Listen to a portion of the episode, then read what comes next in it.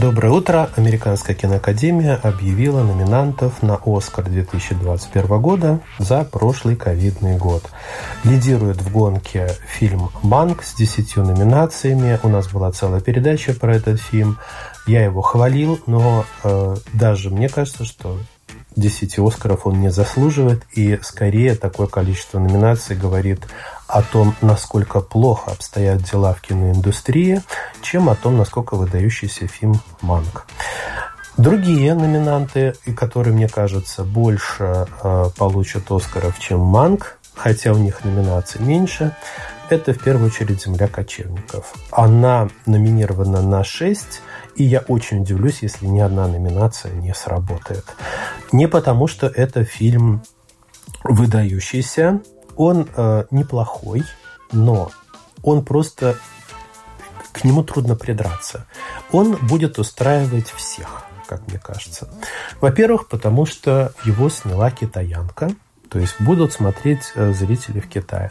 Во-вторых, она получила образование в Лондоне, то есть это европейский сформированный мозг. В-третьих, она работает в Америке, она снимает американские фильмы, и, как часто это и бывает, такие девочки, ставя галочку в резюме, что она сняла артхаусное кино, быстро переключаются на крупную киноиндустрию.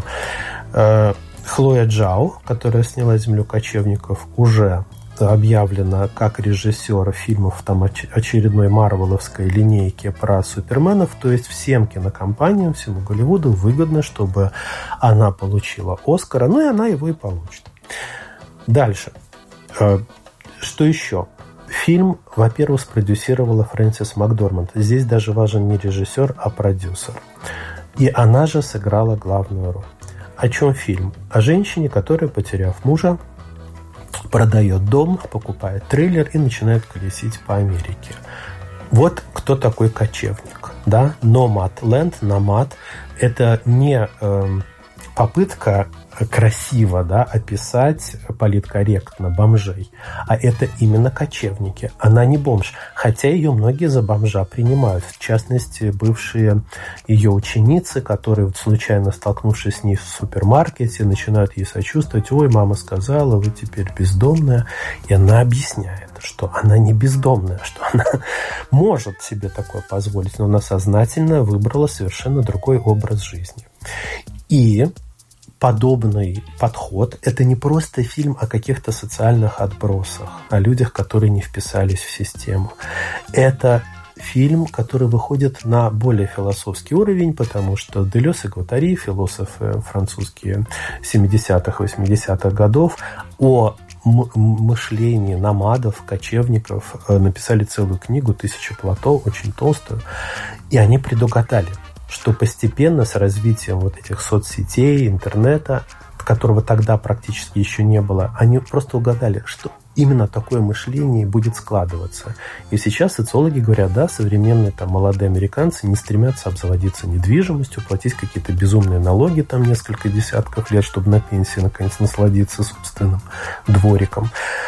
Вот уловлена э, эта тенденция.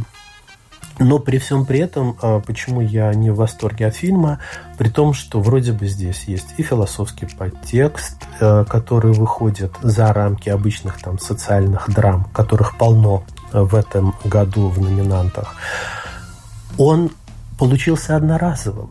То есть там есть такие хемингуэевские подтексты, когда непонятно, почему э, такой скандал вызывает разбитая тарелка там, еще что-то. То есть угадывается какая-то глубокая трагедия за всем, невысказанная. Но если вы будете смотреть этот фильм второй или третий раз, дополнительных смыслов вы не получите. Вы с первого раза получаете все, на что этот фильм способен, и ничего больше вы не получите. Это работа отличницы.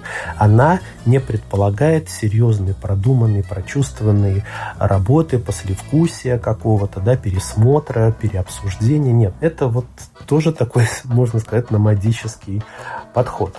Тем не менее, фильм, как мне кажется, вот, получит Оскар да, по, по многим параметрам. Он всех устраивает. Да, никто не сможет к нему придраться. Другие фильмы в номинациях мы не успеем проговорить про все, поэтому просто э, я выражу общую тенденцию. Это почти все фильмы о, о борьбе за свои права. Фильм «Манк. Борьба сценариста за право сказать слово вопреки режиссеру и продюсерам». Девушка, подающая надежды о правах женщин напиваться, и мужики не должны пользоваться их пьяным состоянием. Это, наверное, самый зрительский фильм, из всей линейки номинантов на лучший фильм. И он э, при этом хуже всех сделан. Потому что, ну, Керри Меллиган э, сыграть пьяную девушку, ну, извините, это первый уровень в ГИКа, да, первый курс. Э, приемы грубые, которым этот фильм снят и пытается затянуть зрителя, это тоже месть, жесть, честь. Это вот линейка, которую мы постоянно видим во всех проходных фильмах о том, как герой кому-то там за что-то пытается отомстить. И, как мне кажется, тема закрыта Квентином Тарантино давным-давно. А, мне кажется, он не заслуживает ни одного Оскара. Ну, выдвинут, потому что хоть что-то зрелищное, хоть что-то зрительское должно быть. Потому что все остальное, суд над Чикагской семеркой, борьба против вьетнамского вторжения выливается в какие-то бесконечные распри и разговоры в суде. А, Иуда и Черный Мессия выливается в пропаганду, которую Черные пантеры э, рассказывают, э, выдвигают на своих сборищах, как они помогают детям, что такое социализм, чем он лучше капитализма. То есть опять бесконечная болтовня. И вот это выяснение отношений – а, в каждом фильме передает общее настроение. Когда люди оказываются в самоизоляции, оторванные от дела, им нечем заняться, они начинают выяснять отношения друг с другом.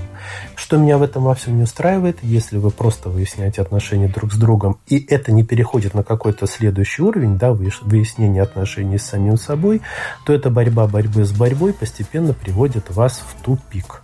Больше мне подходит эм, высказывания Жана Люка Гадара, который в свое время тоже наснимал фильмов про э, социальную проблематику, про революционеров, про хиппи, про 60-е, которые в конце жизни уже там перебесившись в 90-е, когда его спрашивали о правах режиссера или о правах автора, сказал, у меня как у автора нет никаких прав, у меня есть только обязанности. Вот такие фильмы мне нравятся больше. Хотя Гадар, конечно, сложен для восприятия, но из тех режиссеров, которые претендуют на Оскар в этом году, больше всего обязанностей, как мне кажется, были у аниматоров, потому что они должны были все-таки затянуть детей и взрослых, и бабушек, и дедушек всех возрастов э, в кино, показать интересные и глубокие фильмы. И они самые интересные номинанты в этом году. «Душа», «Вперед», «Легенды о волках», Барашек Шон чуть хуже, чем предыдущий Барашек Шон, но тоже интересный. Единственный минус – это «Путешествие на Луну», фильм, который, мне кажется, никуда не годится, он просто устарел морально, но все остальное сделано крайне замечательно, в том числе и короткометражная анимация 25 апреля, когда эта церемония состоится, смотреть нее не обязательно, но я надеюсь, что к тому моменту все э, запреты будут сняты, и мы, наконец, сможем переключиться на что-то более продуктивное, чем выяснение отношений друг с другом. С вами был Вадим Агапов, Домская площадь по воскресеньям.